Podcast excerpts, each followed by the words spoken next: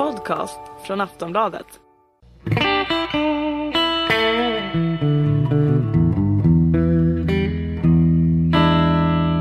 Välkomna hälsar vi då alla trogna och eh, otrogna lyssnare, kanske till och med nya lyssnare. The Infidels vänder vi oss till. Precis, till Sportbladets Premier League-podd med mig Patrik Syk, eh, Erik Niva och Kristoffer Karlsson. Eh, Välkomna ska ni vara till denna lite speciella podd. Vi har ju nämligen en supersöndag fram, eh, framför oss, eller hur?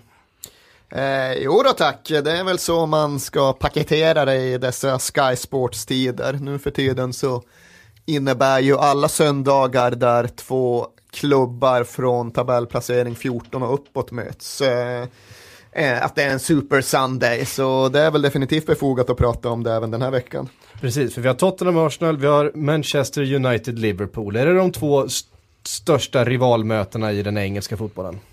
Alltså det är ju, det är svårkvantifierade saker du pratar om. Det... Och, och, och lätt att förarga en Sunderland-supporter eller en eh, Aston Villa-supporter i processen. Eller en Millwall-support. Eller en Millwall-supporter. någon som bor i Sheffield eller ifall det nu finns någon tapper soldat där ute som håller på Burnley och just har sett sitt eget lag vinna över Blackburn Rovers borta för första gången på 35 år eller vad det nu var. Eh, så det är ingenting jag vågar hamra fast i sten. Det finns eh, en oerhörd mängd eh, heta rivaliteter inom den engelska fotbollen och exakt vilken man väljer att lyfta fram ifall det är kvaliteten på lagen som ska vara avgörande, ifall det ska vara ljudvolymen på läktaren, ifall det ska vara antal supportrar världen över. Det vet jag inte riktigt hur du tänker kring, så jag nöjer mig med att konstatera att det är två klassiska Två klassiska matcher som ska spelas. Mm. Eh, I andel uppmärksamhet världen över så kan vi ju ganska snabbt konstatera att eh, det nog eh, faktiskt rör sig om två utav de största matcherna eh, som spelas i världen. Eh, jag vet att förra gången, eh, man brukar prata om Super Bowl som någon sorts måttstock för när någonting är väldigt, väldigt stort. Eh, att de har otroligt mycket tv-tittare. Eh, jag läste en siffra om att förra gången Liverpool och Manchester United möttes, alltså tidigare den här säsongen, så var det tio gånger fler som såg den matchen på tv än som såg förra Super Bowl. Alltså i runda slängar en miljard tv-tittare på eh, Liverpool United den gången i jämförelse med då de hundra miljonerna som följer en Super Bowl. Eh, det är en, eh, det är- en, rejäl, en rejäl siffra. Det är en rejäl ganska siffra. förvånad över faktiskt. Ja, den är ganska ögonöppnande. Sen är det alltid så med de där globala tv eller tittarsiffrorna att jag undrar exakt hur de kan vara så säkra på de siffror som då spottas ut. Men det må väl vara detsamma. Jag tror ju att det är en giltig poäng som du i grunden gör att Premier League är ju global på ett sätt som ingen annan idrottstävling egentligen är. Eh, och nu pratar vi alltså inte om mästerskap och dylikt utan om regelbundenhet. Och där är ju Premier League världens största idrottstävling. Mm. Och det är ju framförallt det som har hänt de senaste åren är ju att Asien har blivit så eh, otroligt Premier League-frälsta. Ja, det har ju varit en eh, långtgående utveckling, men nu är det ju också så att ja, Afrika bryr de sig ohyggligt mycket. Såg bara häromdagen att eh, tydligen har de börjat flytta de nigerianska ligamatcherna till eh, ganska trista klockslag mitt i veckorna för att de inte ska krocka med Premier League. För ifall Liverpool Man United krockar med eh, det stora toppmötet i den nigerianska ligan så stannar alla på puben och kollar på Liverpool Man United. Och det är sorgesamt, så ska inte den globala fotbollen fungera, tycker jag. Men så fungerar den tydligen. Och därtill har vi också en situation där Nordamerika faktiskt har börjat bry sig. Det är ju jävligt många fler som ser på Liverpool Man United i Nordamerika än det som ser på Super Bowl i Lancashire, det vågar jag konstatera. Just det Nigeria-exemplet är ju liksom där hör man ju även röster som höjs från nigeriskt håll om att det, det skadar den nigerianska fotbollen. Att eh, folk inte går på nigeriansk fotboll. Folk kollar inte på nigeriansk fotboll så eh, definitivt oroväckande. Mm. Ja, nej, men så är det ju. Och jag sen- kan ju säga som har spenderat en del tid i Rwandas huvudstad eh, Kigali, att där finns det en buss, alltså de lokala bussarna är ofta utsmyckade på olika sätt, har liksom teman. Theo Walcott har en helt egen buss i Kigali, det hade han redan då vintern 2008 när han var vad var han då, 19 år gammal? Ja, han var 17, han kom till VM 2006 så det måste han väl ha varit. 19 eh, och har då en, en, en buss i linjetrafik helt dedikerad till Theo Walcott som kör på gatorna i Kigali. Det säger ju någonting om eh, det enorma intresse. Ja, det finns ju jättemånga sådana anekdotiska berättelser att återvända till. Det var ju till exempel något man noterade när man konsumerade alla de skildringar som har kommit av eh, den fängelsetid som Martin Schibbye och Johan Persson tvingades till. Att Eh, väldigt mycket i det där fängelset kretsar ju kring huruvida fångarna skulle ha rätt att se Premier League-matcher eller inte, huruvida de skulle ha rätt att sätta upp John Terry-affischer på fängelseväggarna eller inte. Det var väldigt mycket i det där etiopiska fängelset som utgick från Premier League och det var ju tydligen också så att när det var den här allra mest dramatiska jakten, när de höll på att bli infångade först, så ja, träffade de någon rebellkrigare eller vad det nu var som skulle rädda dem över gränsen och ta dem till säkerhet. Och de var ju helt uppstressade för de hade ju den etiopiska milisen i haserna men den där andra snubben var inte så där överdrivet stressad. Han förstod ju att det var svenskar och ville prata om Fredrik Ljungberg i goda ro. Och det säger ju också någonting. Och det kommer säkert också komma nu nästa vecka för jag tycker det verkar komma de rapporterna efter varje stormatch som spelas i England. Att ja, som en följd av matchen mellan Liverpool och Manchester United så blev det tragiskt tragiskt nog så att eh, en eh, snubbe på en bar i Kenya blev ihjälhuggen med machete för att han höll på Man United till skillnad från den andra snubben som höll på Liverpool. De typerna av rapporterna tycker jag kommer med osannolikt och otäckt stor regelbundenhet numera. Mm. Ja, det, det, det är väldigt obehagligt att... Eh...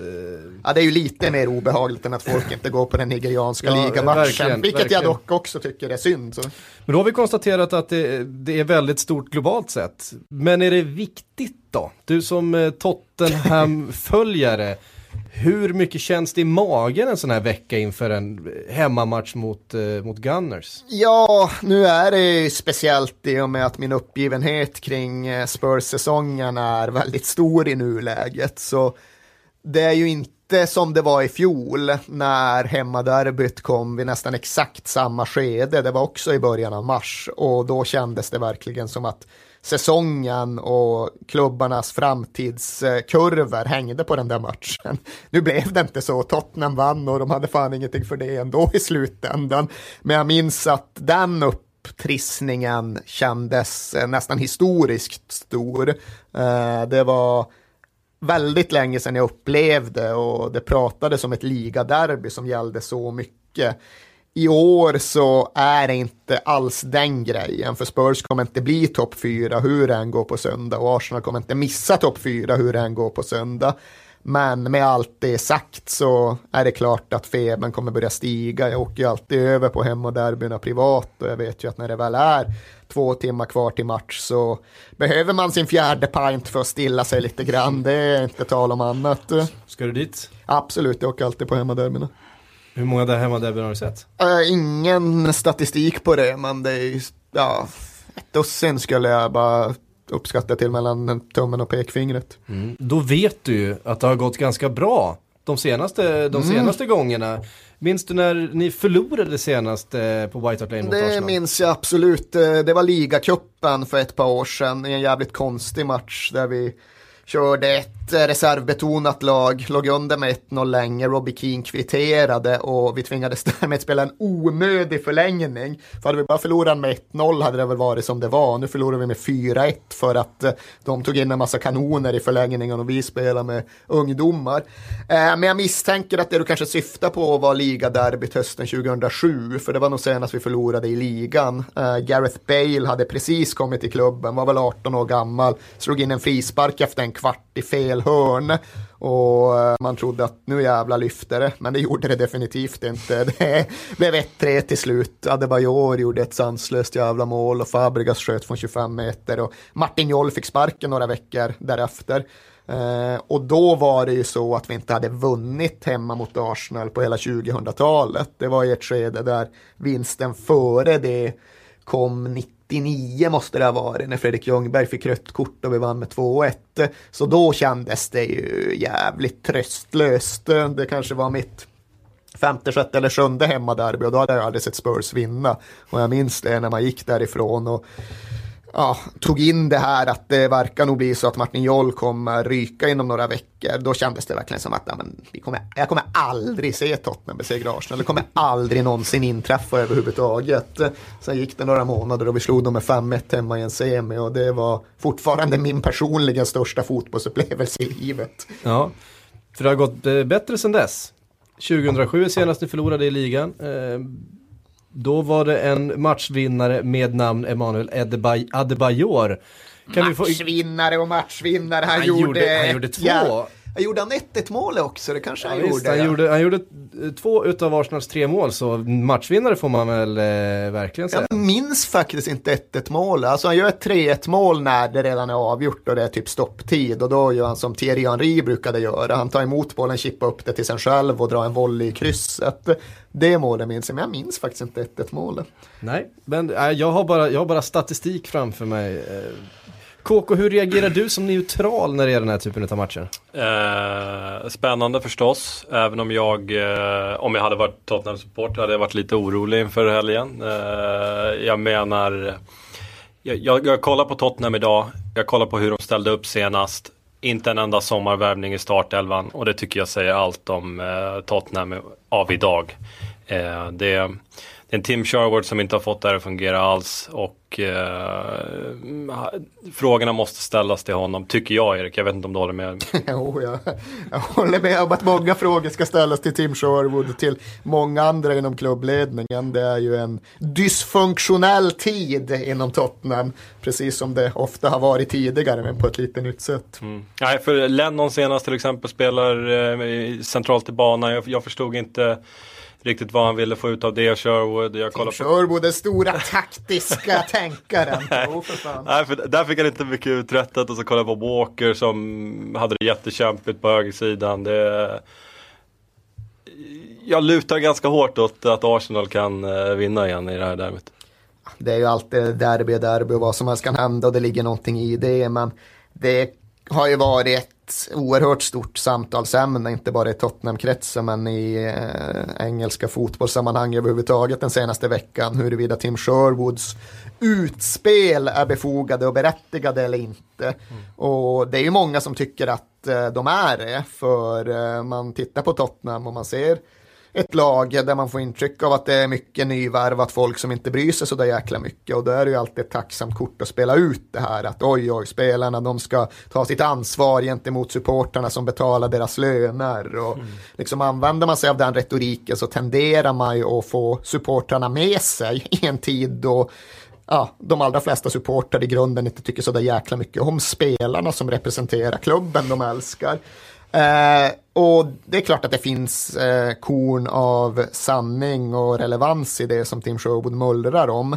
Men jag menar ju någonstans ändå att det är i huvudsak en fråga om att eh, Sherwood inte bottnar i det här jobbet. Och det är ju ett jäkligt enkelt sätt att skyla över sina egna taktiska brister till exempel. Att hänvisa till att det saknas hjärta smärta och det saknas fight. För det är väldigt diffusa saker som det alltid går att hänvisa till. Ja, varför förlorar ni? Ja, det andra laget ville mer. Det är sällan så att det ena laget vill så väldigt mycket mer än det andra. Det är klart att det kan hända ibland, men ifall ett lag ser lojt, oengagerat och dåligt fungerande ut, så då går det ofta att spåra tillbaka till att de helt enkelt inte har fått tillräckligt med förberedelser av sin tränare. Att Spurs offensiv inte fungerar under egentligen en väldigt lång tid. Det har att göra med att det inte finns någon systematik att återgå till. Att det begås misstag i försvaret. Ja, det är klart att när det väl börjar bli minut 89 och de där dråpligheterna händer, då har det ju såklart med en, med en smått oacceptabel uppgivenhet att göra. Men det har definitivt eh, systematiskt eh, att göra med att eh, backlinjen inte är samspelt, att det inte finns något kollektivt försvarsspel som fungerar. Och jag tror just att eh, när man lyssnar på Sherwood så kan man kanske begå misstaget att bara köpa det där om att ja, men det är hjärtat det hänger på. Ifall bara folk kämpar mer, då kommer allt lösa sig. Jag menar ju att det i ännu högre utsträckning handlar om ett dåligt förberett och dåligt strukturerat och dåligt organiserat lag. Men, men ni pratar här om att, man, att det finns frågor man måste ställa till, till Tim Sherwood, men när kommer frågorna till Daniel Levy?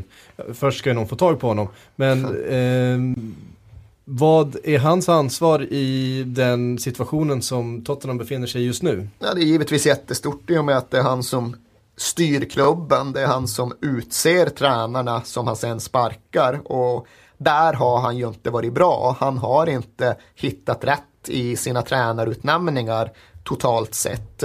Jag tillhör ju fortfarande ändå de som försvarar Daniel Levy för jag jämför med hur det var innan han kom. Jag jämför hur det var under Alan Sugar på den tiden då vi gick från att vara en topp 5-klubb till att knappt ens vara en topp 15-klubb. Under tio år med Alan Sugar tappade Tottenham fantastiskt mycket mark.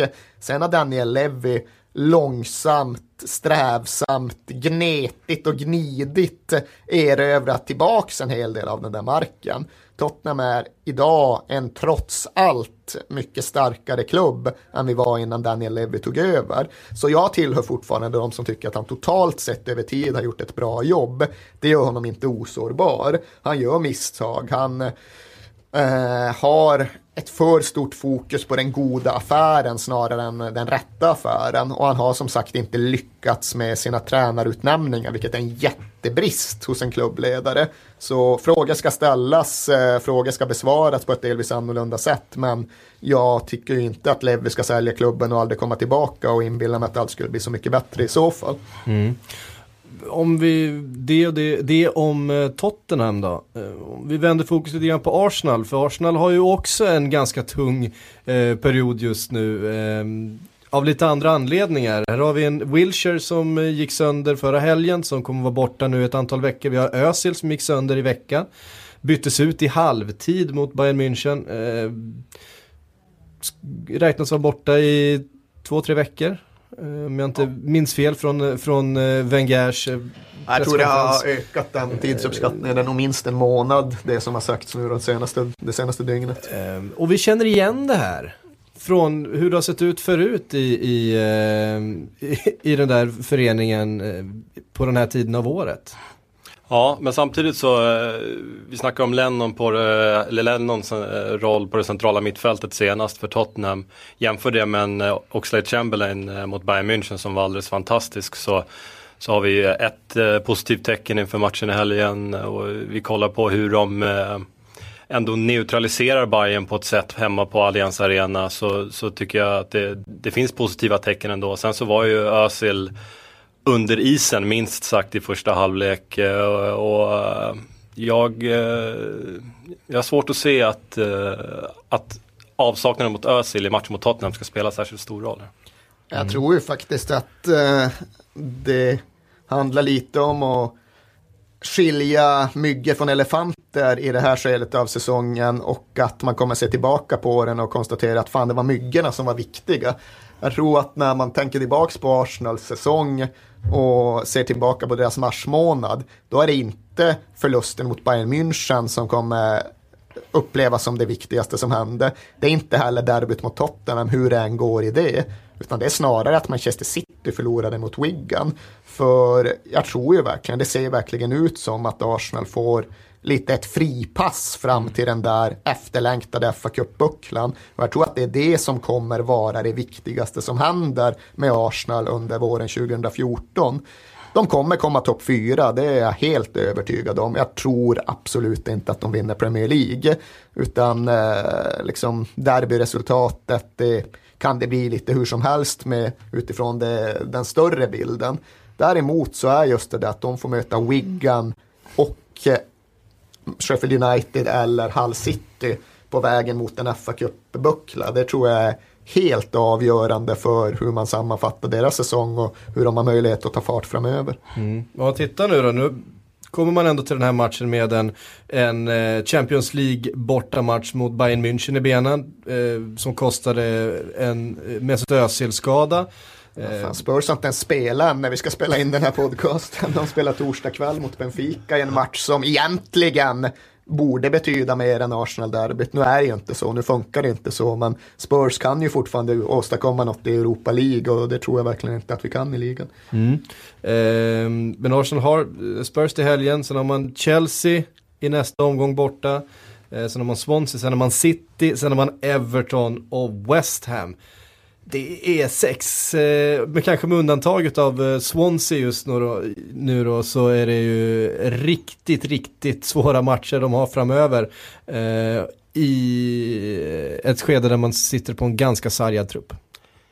Ja, till skillnad från Erik så vill jag nog vänta in eh, derbyt i helgen innan jag kan konstatera att Arsenal kniper den där fjärdeplatsen. För schemat är tufft som sagt och även om Özil har svajat så, så blir han borta ett tag nu. Och nu är Tottenham kanske inte den hetaste av konkurrenter. Ja, eller vilken är då den hetaste av konkurrenter? Det är just det som kanske får mig övertygad om att både Arsenal och Liverpool, alltså topp fyra är topp fyra och den mm. är klar. För det finns inget som kommer underifrån med fart. Spurs hackar otroligt. Everton går ju lite på knäna. Jag kan inte se att Everton får ihop en riktigt lång segersvit. Och sen är det Man United, men Man United de är så långt efter. Så jag kan inte se vilken den där utmanaren skulle vara om en topp 4-plats. Mm. Nej, precis. Alltså, det, det lutar ju förstås åt att det blir att eh, Arsenal eh, tar eh, fjärdeplatsen med marginal. Mycket på grund av att konkurrenterna underifrån inte kan lansera en tillräckligt potent offensiv. Mm. Eh, det är det, vi har en till jättematch som vi har varit inne på lite grann. Eh, Manchester United mot Liverpool. Eh, Liverpool som eh, ser ut att eh, ro hem den där, i alla fall just nu ser ut att eh, ligga bra till för den där topp fyra som man sa inför säsongen. Eh, på vissa håll har det börjat sneglas lite högre upp i tabellen också. Eh, möter Manchester United borta, ett United som tillhör den där lilla gruppen eh, strax bakom som på något sätt har eh, en fjärde plats i, långt bort visserligen, men ändå i, eh, i sikte.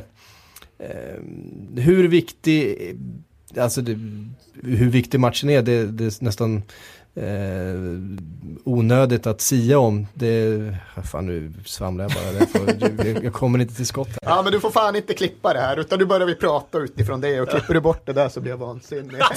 jag, jag gillade den lead-inen. Uh, jag, jag kommer inte fram till, till, till någon bra formulering. Ja, men. Är, är inte formulerat, ska prata lite om matchen, kolon. Vi pra, pra, prata, prata lite om matchen, men framförallt eh, prata lite om matchen ur det här tabelläget vi har just nu. Vad skulle det betyda för Manchester United att slå Liverpool? Vad skulle det betyda för Liverpool att slå Manchester United i det här skedet på säsongen? Ja, men jag tror så här att om Manchester United vinner, då ska de vänta ett litet tag innan de ger upp Champions League-hoppet fullständigt. Om de inte vinner, då kan de bara lägga ner det. Då kan de börja skissa på sin pengaturné till bortre Asien under, eh, under Champions League-matchdagarna nästa år istället. Och om Liverpool inte förlorar så kan de ta ut Champions League-platsen. Om de rent utav vinner, då spelar de för titeln resten av säsongen. Du tror det? Ja, det tror jag. Alltså, om, om Liverpool åker till Old Trafford och vinner, då har de lika stora möjligheter som vilket Manchester City och nästan som vilket Chelsea som helst att faktiskt vinna hela ligan.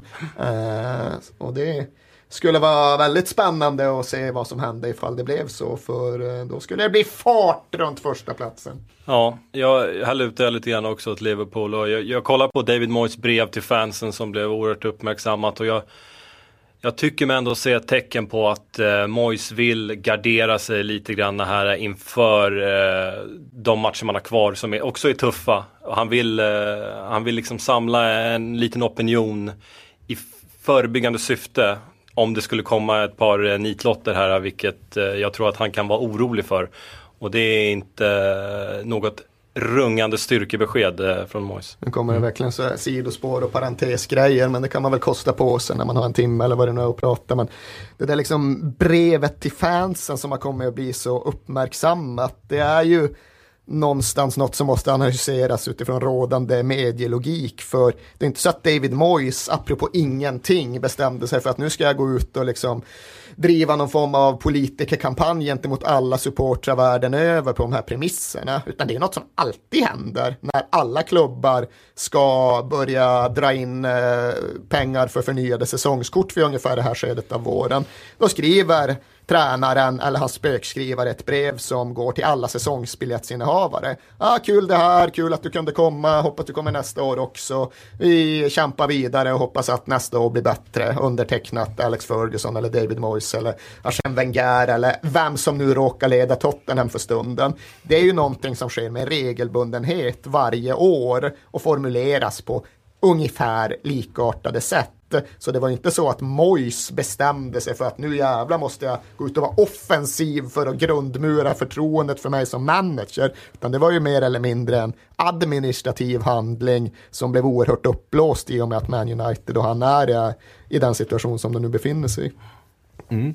Um, då har vi pratat lite om matcherna, liksom lite hur vi kliver in den här säsongen. Om vi tittar på de här rivaliteterna då, ur ett historiskt perspektiv. Jag vet att du gillar det Erik. jag gillar allt. Du gillar allt. Jag är livsglad. Ja, uh, ska vi börja då med, med Arsenal-Tottenham? Det är inte så svårt att förstå varför det finns en rivalitet. Det var ett stenkast mellan White Hart Lane och Highbury. Jag vet inte hur långt ja, det är ett jävligt långt stenkast ner för Seven Sisters Road i så fall. Du får nog kasta. Ja, ja, det är nog nästan en mil du får kasta. I, samman, i sammanhanget ett stenkast. Eh, nu, har jag inte, nu har jag inte helikopterperspektiv exakt på Emirates och, och White Hart Lane, hur långt det är. Alltså Emirates är ju bara några hundra meter från platsen där Highbury låg, så det har inte förändrats. Eh, precis, men det finns eh, fler ingredienser än bara geografisk närhet, för de är ju inte de enda fotbollsklubbarna i de, den här delen av världen. Nej, barnet är en stark rival också där uppe i norra London, det får man ju lov att ta med i ekvationen. Nej, men om man verkligen ska gå tillbaka, det är ju alltid liksom det refereras tillbaka till, det är ju att det minsann inte alls handlar om en rivalitet mellan två klubbar från norra London. För Arsenal kommer ju inte från norra London. De är ju bara en inkräktare. För, Inflyttade. Ja, exakt. Men så är det ju att eh, de första 25 åren eller vad det nu är frågan om så kom ju Arsenal är från södra London, Woolwich Arsenal. Klubben är döpt efter någon form av vapendepå som låg nere på den södra sidan av Themsen. Men sen så flyttade de kort och gått klubben eh, i, ja det är väl 1914 kan det vara något sånt, strax före första världskriget. Så flyttar de helt enkelt in i norra London. Och det där menar ju Spurs-anhängare då fortfarande är någon form av grund till det hela. Att North London is ours och då är förkontringen att ja, ja, men på den tiden låg minsann Tottenham utanför stadsgränsen till London. och bla, bla, bla, bla, bla. Men det finns ju fortfarande kvar den grejen att eh, Tottenham, folk ser ju sig som klubben som faktiskt hör hemma i den delen av stan medan Arsenal är en nyinflyttad i uppkomling som bara håller till där i ungefär hundra år. Eh, så det är ju den väldigt eh, långtgående historiska förklaringen. Annars så är det ju uppriktigt så att Tottenham och Arsenal, om man ser till vilka som följer klubben och hur supporterskarorna ser ut, påminner ju väldigt mycket om varandra. Det är ju folk från samma stadsdelar som lever ungefär samma liv och som har samma religion och sociokulturella bakgrund. Det, liksom, det finns inget sånt som separerar den ena klubben från det andra. Det är inte så att Tottenham har Glasgow. mer... Nej, det är inte Glasgow. Det är inte så att Tottenham har en större andel judiska fans än vad Arsenal har. För Arsenal har också en betydande betydande judisk, eh, judisk eh, del i sitt support. Eh, så det finns liksom inte. Det är ju mer att eh, liksom familiarity breeds contempt, att man eh, ogillar eh, sin rival för att den påminner om eh, sig själv snarare än något annat. Sen är det ju som alla rivaliteter i England att den förändrades och blev eh, lite mer elak under liksom huliganismårtiondena på 70 och 80-talet. då blev det ju våldsamt på ett sätt som det inte var dessförinnan. Och när det gäller just de två klubbarna så är ju det som verkligen förändrade saker under min livstid också, övergången som Sol Campbell gjorde 2001. Det intensifierade ju allt ytterligare, flera, flera hack. Och det är ju lite eh, aktuellt precis just nu i och med att Sol Campbell precis kom med sin, med sin självbiografi bara häromdagen. Och där eh, skildrade han ju bland annat eh, den matchen då han först återvände till White Hart Lane som än idag förmodligen är den match med absolut mest fientlig stämning som jag någonsin har upplevt på den arenan. Och det som verkligen fångar när man läser det är ju hans beskrivning av ja, hur han tar sig igenom hela den där dagen. Men sen mot slutet av matchen vandrar uppåt för att, tror jag, vara med på en hörna. Och så tittar han upp i publiken och så ser han sin egen brorsa bland de Tottenham-supportrar som verkligen står och hånar och vräker ut sitt hat mot Sol Campbell. För Sol Campbells brorsa, han håller då på Spurs. Och han tänkte minsann inte byta klubb bara för att brorsan gjorde det. Och de två har fortfarande än idag ingen vidare kontakt som en följd av hela den där grejen. Eh, och det var och är en väldigt, väldigt stor sak i den moderna rivaliteten mellan Tottenham och Arsenal att Sol Campbell bytte klubb på det sättet som han gjorde det. Har du någon favoritramsa? Just mot, just, just, just, mot Arsenal. Alltså folk, folk har ju hamnat i fängelse för några av de här Sol Campbell-sångerna. Så jag tror kanske inte att jag ska ge mig in på det spåret här och nu. om, vi, om, vi, om vi tar det som ger fängelse så bara vrider vi tillbaka till tre snäpp. Hittar vi någon, eh, någon bra variant där som du har lagt på minnet? alltså det, det är en svår stig du försöker gå ner för. För egentligen alla de här derbysångerna är ju mer eller mindre straffbara höll jag på att säga. Nej, men det är ju egentligen inga som inte är inne och tafsar på och tangerar gamla huliganismminnen och så. Så ja, sitta och utnämna favoritsånger i den kategorin tror jag riskerar att bita mig i den eh, proverbiala svansen. Så Ja, i och för sig, det finns ju så här, det finns någon harmlös skiva med klubbsånger eh, som alltid brukar spelas på pubbarna. Och där finns det en låt som högtidlig håller kanske den mest klassiska Tottenham-segern i modern tid, fa Cup-semifinalen 1991 Eh, när Spurs slog Arsenal med 3-1 på Wembley. We're off to Wembley because we beat the Arsenal. Det är en klämmig bit, du kan leta upp den eller kanske lägga in en 20 sekunders slinga och den är ju faktiskt ganska rumsren så den kan jag väl i så fall ta upp. Då. Precis, vi, vi, vi lämnar Tottenham Arsenal där och så tittar vi ungefär på samma sätt då på Liverpool United. Där är det ju inte en rivalitet mellan två klubbar från samma stad utan där handlar det ju nästan om en rivalitet mellan två städer lika mycket som en rivalitet mellan två klubbar. Eh, Liverpool och United har ju eh, varit beroende av varandra i väldigt, väldigt många år och nästan alltid tyckt illa om varandra. Eh, och där, ska vi, där finns det verkligen sånger som inte, inte hör hemma i städade miljöer. Eh, återspeglandes både, både flygkatastrofer, läktarkatastrofer eh, och vi kommer säkert få, få höra både det ena och det andra på Old Trafford på söndag också. Ja, så är det ju. Eh, men även där tycker jag ju att man måste konstatera att det är två klubbar som i grund och botten påminner väldigt mycket om varandra och att det någonstans är det som har gött den här rivaliteten. Sen finns ju det där mellan städerna som det också alltid syftas tillbaka på när man ska liksom gå till botten med rivaliteten. Att Ja, det är ju det här med att de grävde en skeppskanal till Manchester på 1800-talet eller när fan det var. För en gång i tiden så var ju Liverpool den här blomstrande hamnstaden. Men då upplevde folk i Manchester att de tog helt oproportionerligt stora tullavgifter när de skulle exportera sina textilier. Så vad gjorde de då? De grävde sin egen kanal, kringskar hamnen i Liverpool och dömde på så sätt ut Liverpools hamnkvarter till ett växande förfall och armod. Eh, det där pratas det fortfarande alltid om. Fruktansvärt osympatiskt. jag förstår att du tycker det. Men det är väl uppriktigt sagt kanske inte det folk har i sina huvuden när de går till matchen och sjunger sångerna en söndag i mars 2014. Eh, men även där så hände det ju saker under huliganismårtionden under 70 80-talet. Då försvann mycket av den här respekten och sympatin som ändå fanns mellan de här två giganterna fram till dess. Då blev det hetskare och mer infekterat och mer fientligt. Eh, men det är ju återigen så att om man jämför Liverpool och Manchester United, om man jämför städerna med varandra, så är det ju verkligen likheterna som slår en. Två knegarstäder, där folk har liksom kämpat mot oddsen i alla tider och väldigt ofta lyckats besegra dem. Skapat oproportionerligt bra fotbollsklubbar, byggt upp fantastiskt kultur och musikliv som verkligen har exporterats ut i världen. Eh, och det är två två städer som är unika på ett sätt som påminner om varandra. Eh, så jag tror ju verkligen att eh, i grund och botten så ogillar de varandra så mycket för att de ser sig själva i spegeln när de tittar. Mm. Och sen så handlar det ju förstås väldigt mycket om att det är de två, de två framgångsrikaste klubbarna i, i England helt enkelt. Att man, man har slagit som titlar vid väldigt, väldigt många tillfällen. Ja, men det är ju de två största engelska klubbarna alltjämt. Även om supporterdemografi förändras snabbt i medialiserade oligarktider så är det de två största engelska klubbarna det handlar om. Mm. Ehm, då lämnar vi eh, Supersöndagen tycker jag och sen så tittar vi lite grann bakåt på vad som hände i veckan. Ehm, två engelska klubbar gav sig ut i Europa för att eh, spela fotboll.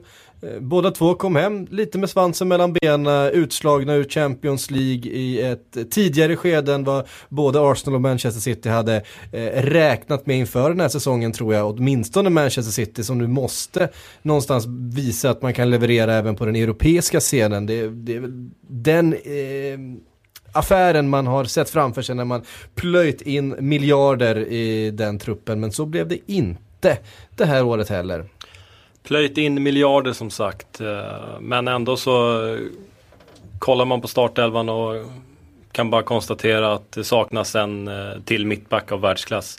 Kompani, fantastisk. Om en eh, lite utsliten i användandet. Och, och sen bredvid honom så har du liksom en Lescott som får täcka upp för Demikeli som är avstängd och Lescott som Ja, vi såg alla vilken tabbe han gjorde igår. Och Leskot har ju också fått skit. Eh, Nastasic är bara 21 år gammal. Det saknas ett, eh, ett riktigt namn bredvid kompani. Och nu, då ska i och för sig också sägas att Demikelis får, eh, tycker jag, oförtjänt, oförtjänt mycket skit. Jag tycker att i första mötet med Barcelona, visst, han drar på sig utvisningen som, eh, som avgör eh, dubbelmötet. Men fram till det misstaget så var han faktiskt riktigt bra mot Barcelona. Och eh, det, det, det, tycker jag, den rösten höjs inte tillräckligt mycket. Mm. Eh, och jag håller Demichelis som eh, en, en av, eh, eller den, den främsta bredvid, bredvid kompani. Vi ber ju om frågor inför varje avsnitt och det första som dök upp i Twitterflödet det var ju frågor om Demichelis. Eh, hur kan han spela i Manchester? Vad, vad har han för relation till Pellegrini som gör att han får starta så ofta? Eh, William William T har konstaterat att eh, av Citys fyra förluster sedan januari har Demichelis startat i, startat i tre. Då är han ju inte den enda som har startat i de matcherna heller så att eh, det, det, det, blir, det blir en lite orättvis eh, statistik på ett sätt för att eh, jag kan tänka mig att en eh, Jaya Yahya Touré har startat alla de matcherna också. Så är det säkert, eh, eh men de Demichelis har ju en eh, grundmurad relation till Pellegrini. Det är ju det som är förklaringen till hela värvningen. Och det är inte bara det att de kamperade ihop nere i Malaga utan de kände ju varandra i River Plate för inte vet jag, 15 år sedan eller vad det nu kan vara frågan om. Så Pellegrini tror ju sig veta vad han får av Demichelis. Men med det sagt så är det väl en sak att ta in honom som någon form av komplementspelare som ska lira en match här och där varannan månad. Men Mm, det kunde man ju se redan i januari om inte förr att ja, men det var inte så det blev för Nastasic användes knappt och Lescott eh, användes i ännu mindre utsträckning så då var det ju frågan om att han var en mer eller mindre ordinarie startspelare. Och den situationen tycker jag ju att en klubb av Manchester Citys storlek med Manchester Citys finansiella muskler borde ha sett till att eh, komma till rätta med under januarifönstret. Och visst, de var nere i Porto och högg på Mangala var det väl i första hand. Eh, men det faktum att de inte gjorde någonting åt det, det får väl någonstans ändå säga var den kanske enskilt starkaste anledningen till att säsongen nu riskerar att puttra ut lite för dem. Sen finns det oändligt många andra anledningar som gör att Barcelona fortfarande ligger längre fram i en klubbutvecklingskurva än vad Manchester City gör. Men det blir ju som du säger, det är så många fastnar på i ett Twitterflöde och dylikt. Mm. Pellegrini vill ju inte vara Mancini. Han, han vill spela mer fotboll och där tycker han sig eller han känner att Demikelis erbjuder mycket i, i uppspelsfasen. Trygg med bollen. Och sen så, de här misstagen som faktiskt har blivit, eh, får ju oss att ställa frågan, är, är han värd det? Nej, det är han ju egentligen inte. Det behövs ett mer prövat namn där. Mm. Manchester City, förlust mot Barcelona men också förlust mot Wigan mm. i FA-cupen i helgen. Eh, skräll med, eh, ska vi säga, tre, fyra utropstecken efter. Eh, kanske en av de största FA-cupskrällarna som jag kan minnas i alla fall. Ja. ja sen, sen, sen, sen de slog Manchester City förra gången. Ja, precis. Nej, sen är just också, ja. Men då, då ska vi komma ihåg att ett Wigan som inte är lika bra idag som de var då. Ett Manchester City som är bättre idag än vad de var då. Ja, nej, men den är ju mycket mer provocerande den förlusten. Att de förlorar mot Barcelona, det är ju som det är. Det gör de sju dagar av tio. Och det, det gör, det, det, gör de flesta fotbollsklubbar då och då, om ja, de skulle mötas. Om det inte är Real Sociedad på Anoeta, de förlorar aldrig. Men det är en annan femma. Eh, Nej, men just Wigan-matchen, den ska de ju vinna. Inte nio dagar av tio, utan 99 dagar av 100. Och att de valde bort att göra det, att de struntade i att göra det, det är ju jävligt provocerande. Och det kommer ju också bli en del av utvärderingen. För det vore väl en sak ifall man prioriterade bort FA-cupen i ett skede när man ändå hade Champions League som överordnad turnering eller dylikt. Men i ett sånt läge var ju inte Manchester City. De kunde inte direkt räkna med att åka ner till Camp Nou och vända ett tvåmålsunderläge. Så det, det sticker sticker i mina ögon att de slängde bort det på det där sättet. Hur mycket jag än uppskattar en cupskräll. Eh, hur mycket, hur mycket, hur mycket eh, sticker det att det är just Arsenal som, som nu får någon sorts eh, fri passage till en titel här i, i just dina ögon? I just mina ögon? det är irrelevant i sammanhanget, kan jag väl svara. Okej, okay. jag menar vi är vi inne, inne på rivaliteter och så här så är det intressant. Eh, Nej, man mönstrar inte, man mönstrar inte ordinarie lag, man, eh, man tänker det Wigan från Championship och eh, Pellegrini litar på att de spelare som inte används lika ofta ska liksom ta chansen nu när de får en sällsynt chans. Men eh, den viljan tycks inte finnas där i City-spelarna som inte är eh, grundmurade i, i laget. Mm. Och eh, jag, tycker, jag tycker det är en tendens man kan se med City, även under Mancini, att när de möter mindre lag, eh, inte lika tufft motstånd, så, så är det som att spelarna inte bryr sig lika mycket. Jag har fått mycket, mycket kritik för sitt bortaspel till exempel, att det har sett lojt ut eh, under stora delar av säsongen, att man inte har fått igång sina stjärnor helt enkelt, att det har sett lite ointresserat ut. Eh, eh är det Pellegrinis fel? Vi var inne på att Tim Sherwood satt och anklagade sina egna spelare för att de såg håglösa ut. Eh, någonstans är det väl hans uppgift att se till att de... Att håga dem. Att håga dem ja. Om vi nu pratar Pellegrini. Ja, nej men eh, absolut, absolut. Eh, sen är det ju för att lite ta in även den andra delen av argumentationen. Eh, jag valde ju att eh, gå emot Sherwood lite grann tidigare eftersom jag tycker att det är på sin plats att göra det. Men det finns ju samtidigt definitivt någonting som är värt att lyssna på, kanske framförallt i diskussionen om omklädningsrumskultur. För Sherwood var inne på det att nej, han saknar lite den här liksom self-policing aspekten. Det finns inte spelare i Tottenham som verkligen kräver saker av sina medspelare, de är för snälla med varandra. Och det där kan jag väl någonstans känna igen lite grann från Manchester City och jag tror att det finns en skillnad där om man jämför de här två lagen med ett Chelsea eller för den delen ett Liverpool. Att har man den där självklara ryggraden av inte bara inofficiella utan officiella ledare som är uppvuxna med klubben och som någonstans vet vad som krävs då har man mycket gratis. Har man inte det, då finns det inte den där självklara interna kravställansfunktionen, då kan det bli så att spelarna går ut och tar lite lättare på en uppgift när det egentligen inte borde funka på det sättet. I Chelsea så blir det ju aldrig så, för John Terry och Frank Lampard och Peter Cech och Ivanovic och Ashley Cole ser till att nej men det kommer inte folk undan med. Men City har ju inte den egenfostrade långvariga ryggraden på samma sätt. De har Joe Hart och de har kompani som har vuxit upp eh, och till någon form av Manchester City-ikon. Men de har inte den där självklara stommen som innebär att det aldrig kommer genomklappningar. Och kollar man på deras kanske största spelare Yahya Touré så är han ju nästan typexemplet på den här spelaren som eh, när det inte gäller allting då eh, ja. gör han inte allting han behöver. Han, han, han, han, han gör inte 100%. Nej, så är det ju faktiskt. Han eh, drar nog med sig spelare ner snarare än att lyfter upp lagkamrater när det är lite väl trist att möta Wigan en söndag mm. eftermiddag i mars. Mm. Ehm, det om detta. Vi ska svara på lite frågor också. Det brukar vi tycka om att göra. Vi kan hylla Ove Rössler också. Absolut, det är på sin plats. Vilken man! Ja. ja. Fantastisk, eller fantastiskt jobb i Brentford, eftersök när, innan han gick till Wigan och eh, jag tror vi får se honom i Premier League inom en ganska snar framtid. Mm. Intressant. Det leder oss ju väldigt eh, snabbt in på den första frågan. Um, vad heter han nu då? Han heter Jonathan Dahlström. Han vill att vi ska snacka lite Championship och vilka som ser ut att ta steget upp. Eh, han undrar till exempel, kan Burnley klara sig kvar i Premier League? Mm -hmm. nu har jag inte koll på exakt hur långt avståndet är där mellan playoffklubbarna och de andra. Men det ser väl ut att bli Leicester och Burnley som går upp. Och där är det ju lite olika förutsättningar. För Leicester har ju ett okänt antal thailändska miljarder är det väl eller i alla fall eh, miljoner om man pratar pund, att eh, bygga klubb med.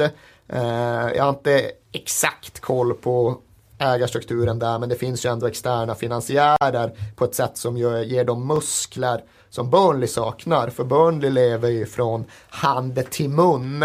De var ju liksom tvungna att sälja Charlie Austin till QPR för att överhuvudtaget eh, få flyt på bokslutet senast. Och de har ju små, små, små resurser. Och därför blir ju deras möjligheter att klara sig kvar i Premier League naturligtvis mindre.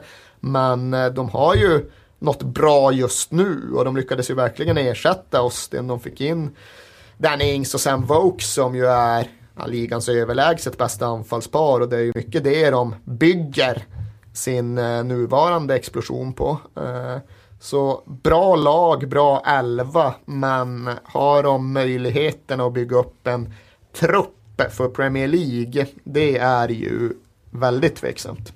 Mm. Ja, eh, Leicester och Burnley som sagt. Eh, Leicester är självskrivna, de, är, de kan inte tappa det. Burnley ser också ganska säkra ut. Sen eh, är jag lite orolig för Nottingham, dålig form kan, eh, kan ryka där medan Ove Rössler som var inne på tidigare, Wiggen. Wiggen, de ska alltid distraheras av kupperna. Är det inte så att de vinner och åker ur ena året så ska de väl gå till semi och missa direktuppflyttning andra året. Nu ska vi se. Det är rätt långt, det är ändå vad är det, åtta poäng mellan Derby på tredje plats och mm. Burnley mm.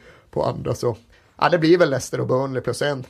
Mm. QPR är ju intressanta såklart för de såg man ju som självskrivna under stora delar av hösten men Ah, Harry har det lite blåsigt där och som vanligt tycker Harry att det i alla fall inte är hans fel att det blåser lite snålt i nuläget. Det är ett som är säkert. Det är många externa faktorer som arbetar mot Harry. Och Darby fick ju de här, den här enorma vinden i seglen efter att man eh, sparkade Nigel Clough. Eh, den vinden har avtagit lite grann nu och jag, jag tittar på Wiggen som kanske det där tredje laget. Men Clough fått eh, ny vind i sina segel. Han, eh, han snodde lite av den där västan då och drog till Wembley med den. Om ni får vara nostalgiker då. Vi tittar på plats 3 6 här, playoff-lag. Eh, nu kanske vi ska kasta in eh, Wigan där istället för något av de andra.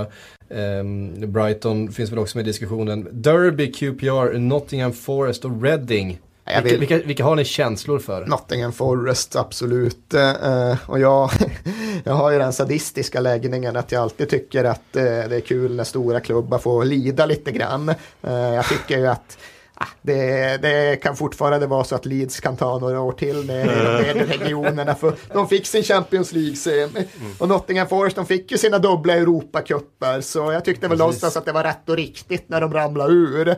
Jag har alltid liksom haft en stor respekt för Brian Clough och hans arv och Nottingham Forest.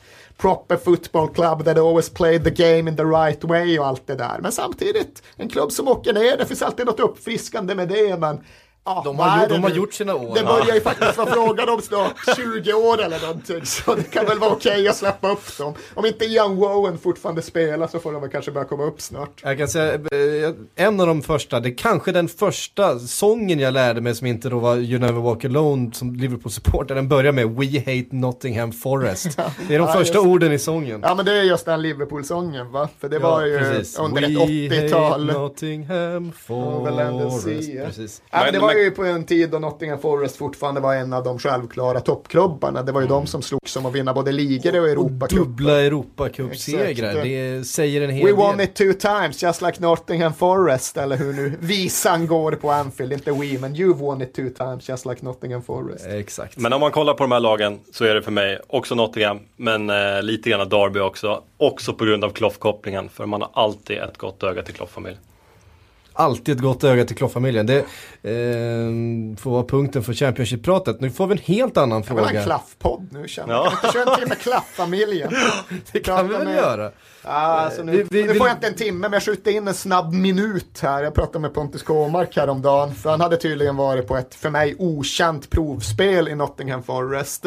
Och det och gjorde han bland annat någon träningsmatch som slutade med att han fick åka i Brian Cloughs bil hem till till föräldrar eller till eh, hushållet för att käka middag efteråt. Och fru Klaff serverade någon jävla Yorkshire pudding som var helt oätlig tydligen. Men det går ju inte att göra något annat än att stoppa i sig för där står Brian Clough och ser helt jävla vanvettig ut. Så då håller man käft och så käkar man the Yorkshire pudding. Ja, så är det. Eh, men vi ska i alla fall anspela lite grann på, på romantikerna in oss, kanske. Vi, vi kanske har helt andra uppfattningar om det här.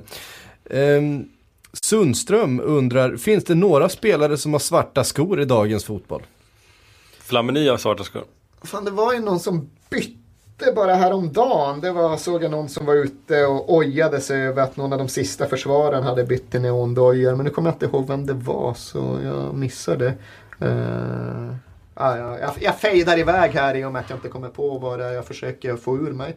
Nej. Nej, Fl- Flamini eh, är ett namn som jag är säker på. Sen Det hedrar, det hedrar ju honom, det måste man Ja, det säga. gör det absolut. Eh, och sen så har jag för mig att de Jong eh, också lirar i svarta. Men det där, ja, det har ju gått ännu så jävla mycket snabbare de senaste åren. För jag minns det kanske var tre år sedan när det blev en så här stor viral grej att eh, det var någon som hade tagit en bild på eh, fötterna och benen på spörspelarna när de stod i ringen för avspark på någon ligamatch. Och då var det just det faktumet att alla spelare hade kulörta dojor. Ingen enda hade traditionella svarta skor. Och då var det ändå en, en eye-opener. Folk häpnade över att ett helt lag hade grälla dojor. Nu är det som sagt så att man måste anstränga sig för att överhuvudtaget hitta en enda spelare i hela Premier League som spelar i svart. Och det är som sagt kanske tre år senare. Och nu har, ju, nu har det ju fullständigt f- fa- Ja, fa- men de farit jävla av vana. vävda skorna Ja, som ni håller på med i Liverpool. Ja, nu skulle Suarez spela i några stickade skor. eh, Mario Balotelli har ett par skor smyckade med tidningsutklipp från sin egen karriär. Ja, Alltså, men det var ju för de enda som jag tyckte nästan han kom undan med. Det är ju en reklamgimmick, men de var rätt snygga. Sen det där Aubameyang var ju ute och körde några jävla diamantbeströdda dojor förra vintern. Och nu såg jag att något av skoföretagen, jag kommer dessbättre inte ihåg vilket så slipper jag placera dem, men lanserar ju någon ny doja inför VM som ju alltid är viktigt att göra. Det ska både vara lättare skor och rundare bollar än någonsin tidigare. Men nu var det ju några jävla strumpaktiga skor som lanserades. Så det var då complete game changer enligt reklamgimmicken. Hade de ju fått någon stackars Iniesta eller någon sån där och säga att oj oj, det här förändrar allt liksom. Men det såg ut som någon jävla konstig damask liksom. Jag vet inte vad det, vad det skulle förändra till det bättre i alla fall. Någon stackars Iniesta. Så, Ja, men någon sån här snäll Han- kille han- som han- inte klarar av att säga nej när de kommer. han, fick säkert inga 20 miljoner euro för att ställa upp där. Ja, men han förlorar mer. det är förlusten är större. Han behöver sin heder mer än de där extra kronorna. Det var säkert inte ens På, ta, Iniesta på tal om heder, vi måste, vi måste ju faktiskt eh, bara nämna Niklas Bentners senaste utflykt här eh, på den här Champions League-kvällen. Jag vet inte om du har läst eh, Ja, rubriken jag Erik. noterade det. Kristoffer, du skrev eh, grejen för eh, sportbladet.se. För de, som, för de som har missat, kan, kan du bara liksom upplysa vad han, vad han nu har hittat på? Han är ju en poddfavorit. Ja, han petades ju eh, Champions League-truppen. Eh, fanns inte med nere i München utan befann sig i Köpenhamn med tre goda vänner och var ute på äventyr i den danska natten. Eh, det slutade med att han trakasserade, hotade en taxichaufför, knäppte upp brallorna och Eh, piskade taxibilen med sitt bälte. Som alltså, man gör. Alltså, jag skulle vilja säga, alltså, hatar inte ni när det där händer? ja, alltså jag ska då i och för sig inte, jag ska inte kasta för många stenar i för ömtåliga glashus här. Men... Nu har du sagt A Erik, nu har du sagt A här, nu får du faktiskt säga B. Att det är B jag kan passa på att säga som jag verkligen tycker är värt att få med in i ekvationen, det är ju faktumet att Niklas Bentner för bara en vecka sedan gjorde sin storslagna offentliga avbön då han ju mm. gav en uttömmande intervju till Jyllandsposten var det väl, någon av de danska tidningarna i alla fall. Och där var ju just hela pitchen att oj oj, jag målas upp som någon mentalsjuk mm. patient som alltid ställer till en massa skandaler. Men så är det ju i själva verket inte alls. Jag är ju ett missförstått eh, superproffs som liksom aldrig ställer till med någonting egentligen. Det var en episod i typ hans liv som han gick med på att det kanske inte var så smart och det var typ förra gången han var ute i Köpenhamn. Men, men hela liksom inställningen var att ja, men nu pratar Niklas Bentner ut och nu ska han bli förstådd. Nu ska han liksom eh, dra ett streck eh, över allt det som har varit och börja om från noll och bygga upp sin eh, karriär på ett exemplariskt sätt igen. Och så går det fem dagar och så står han där med bältet vid jag, jag gillade citatet från taxichauffören eh, som säger att jag har jobbat eller jag har kört fyllon i 25 år men jag har aldrig varit med om något liknande. han har aldrig träffat en fullare människa. Han har aldrig, han har aldrig kört Niklas Bentner. Och då, då, då, då, får man alltid vara beredd på ett nytt personligt rekord i, i konstighet. Eh, så är det. Vill ni ha en fråga till före vi Absolut. rundar av här? Ja. Eh, då återvänder vi till fotbollen tycker jag. Ehm, och så tar vi frågan från Fredrik Fransén. Han undrar, nu tittar jag lite på dig KK för jag vet att du har lite sillkoll här på, på bladet. Eh, hur ser ni på chanserna att Newcastle kan få loss Remi till nästa säsong? Andra intressenter. Och där är ju en, en eh, spelare som sitter i en intressant situation, framförallt om det nu blir så att QPR inte går upp. Eh, har han någon klausul som du känner till? Nej, inte i utköpsväg i alla fall, inte vad jag har hört. Ja, men en klausul som skulle då säga att de måste sälja honom om de inte spelar i, Champ eller i Premier League? Det är möjligt, men förutsätter vi att eh, QPR spelar eh, Premier League. QPR vill behålla honom, Newcastle vill behålla honom. Finns intressenter, han vill, han har öppnat för eh, spel eh, i, i toppklubbar. Eh, han säger att han är redo för det. Och, Arsenal har nämnts. Mm, och eh, det den är ju intressant nästa år för den, den, känns som att den kan fortfarande sikta åt vilket håll. Eh, missar QPR eh, Premier League så, eh, så faller det alternativet bort lite grann. Eh, Newcastle eh, med, mm, med Ashley pröjsar de pengarna som ändå kommer krävas. Det det, det känns som att det kan gå vilket håll som helst. Och, frågan är, även om QPR skulle gå upp så får man ju ändå förvänta sig att det är ett, ett bottenlag, ett lag som kommer slåss om sin överlevnad i ligan. Är det verkligen där en Remy vill, eh, vill harva nästa säsong? Är det inte där han vill harva? Och som sagt, han, han gick ut och öppnade för att han kunde tänka sig att spela en toppklubb. Ja, jo, jo, det gjorde han ju faktiskt. Jag gav ju det här intervjun. Bara, bara for the record, det gör jag också. ja, exakt så. Exakt jag med. Så. Ja, jag gjorde en intervju jag ska inte säga på Bentner-sätt, men ändå en eh, större grej med fransk fotboll bara häromdagen. Och då var just intrycket man fick av den texten att han ser ju inte sin egen framtid i vare sig QPR eller Newcastle. Han tycker sig eh, ha förtjänat större scener att spela på. Men sen är det lite pikant just ifall man är en stor klubb som tänker sig att föra matcher och vinna saker och titta på Louis Remy. För jag skulle ju alltid säga att hans absolut största styrka det är ju att vara omställningsforward. Det är ju att ligga längst fram i ett lag som kanske inte för matchen utan som sjunker tillbaka, som ligger tajt och sen ställer om eh, vid några få tillfällen per halvlek när tillfället ges. Och Remi kan blåsa iväg med sin fantastiska snabbhet.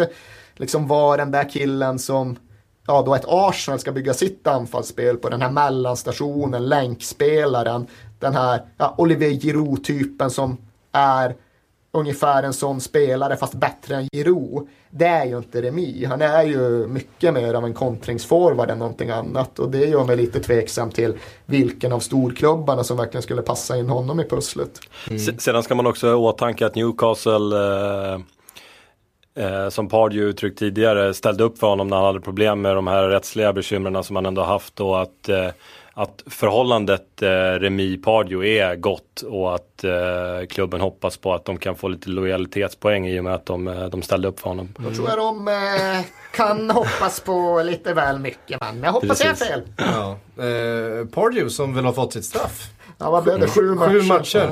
Ja.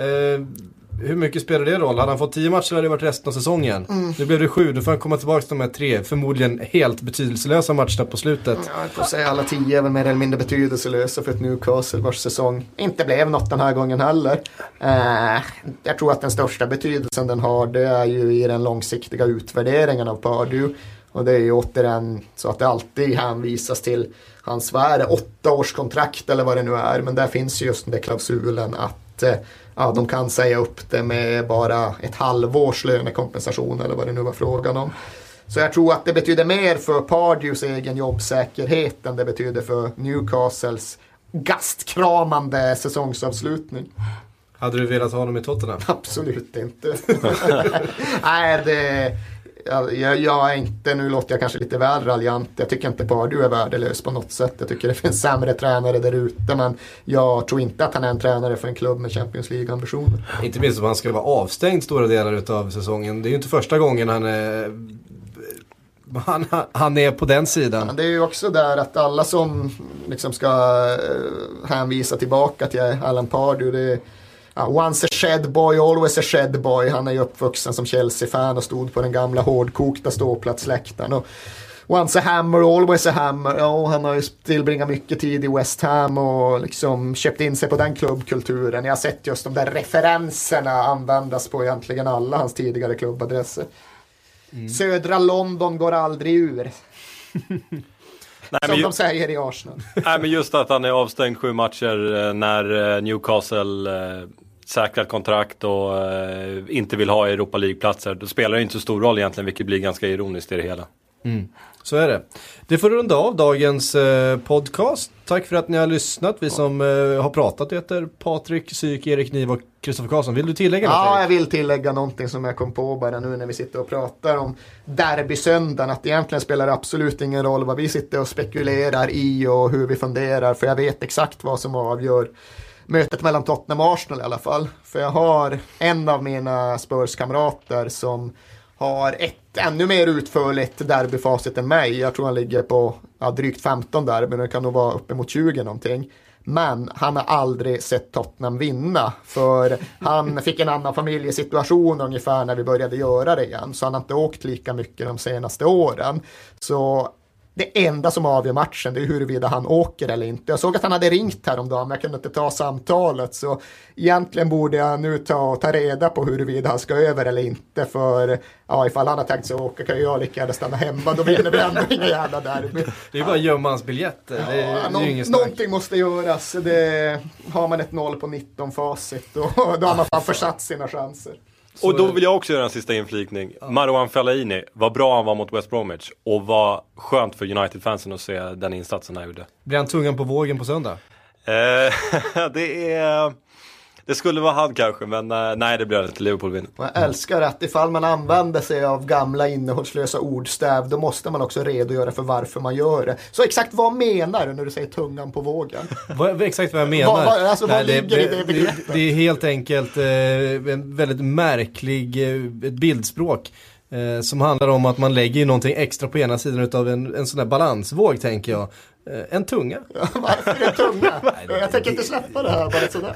Nej, det har jag ingen som helst aning om. Kan det ha varit någon jävla delikatess ja. på gamla tid? Att liksom det filaste biten i en ko var tungan eller något. Att den jävla kostar pengar. Eller, eller, eller, så hade vågmästaren, för vi kan väl utgå ifrån att det var någon som skötte den här ja, vågen. Ja, det, det var ju avancerad, avancerad teknologi mm. eh, för ett par hundra år sedan. Att han hade någon liten... Eh, Torkad oxtunga. Nej, nej, han kan bara haft någon liten, någon liten skinnbit eller någonting, något som höll. Som man kunde ha med sig överallt, som man kunde slänga upp på ena sidan för att balansera upp vågen inför en vägning. Nu, nu, nu är det antikrundan Och spekulationer det var nog en Alltså. jävligt gammal tunga. Alltså. Den kanske kallades för tungan. Jaha, du menar att det inte är en Nej, nu vet jag. tunga? Det, det var någonting som var tungt. Och fick då smeknamnet tung. Nej, Det är lite såhär gettoslang 300 år sedan. Absolut. Ehm, det där blev en intressant... eh, Jag tycker det är en stark final. Ja, det är en stark final. Eh, ni får klaga på Twitter. Eh, eller, kom, eller kom, kom, på Twitter. eh, klargör snarare, kom Nu med är det väl svaret. tyvärr så att det är väl bara att googla så finns det väl ett hållbart svar. Det, var ju Det är för tråkigt. Ja, det, Det är, är ju för tråkigt. Folk får ju ha lite, lite självrespekt och komma med en vettig teori Ja, men utan att den, först den, kre, den kreativaste teorin kan vi väl eh, på något sätt belöna i nästa veckas podd tycker jag. Ge fan i att googla, hitt på något kul så ska vi försöka eh, bena ut det. Jag, jag kan googla så jag kan sitta på rätt svar så kan ni få komma med, med eh, vad ni tror. Eh, som sagt, eh, det var allt för oss. Hör oss nästa vecka igen. Hej då.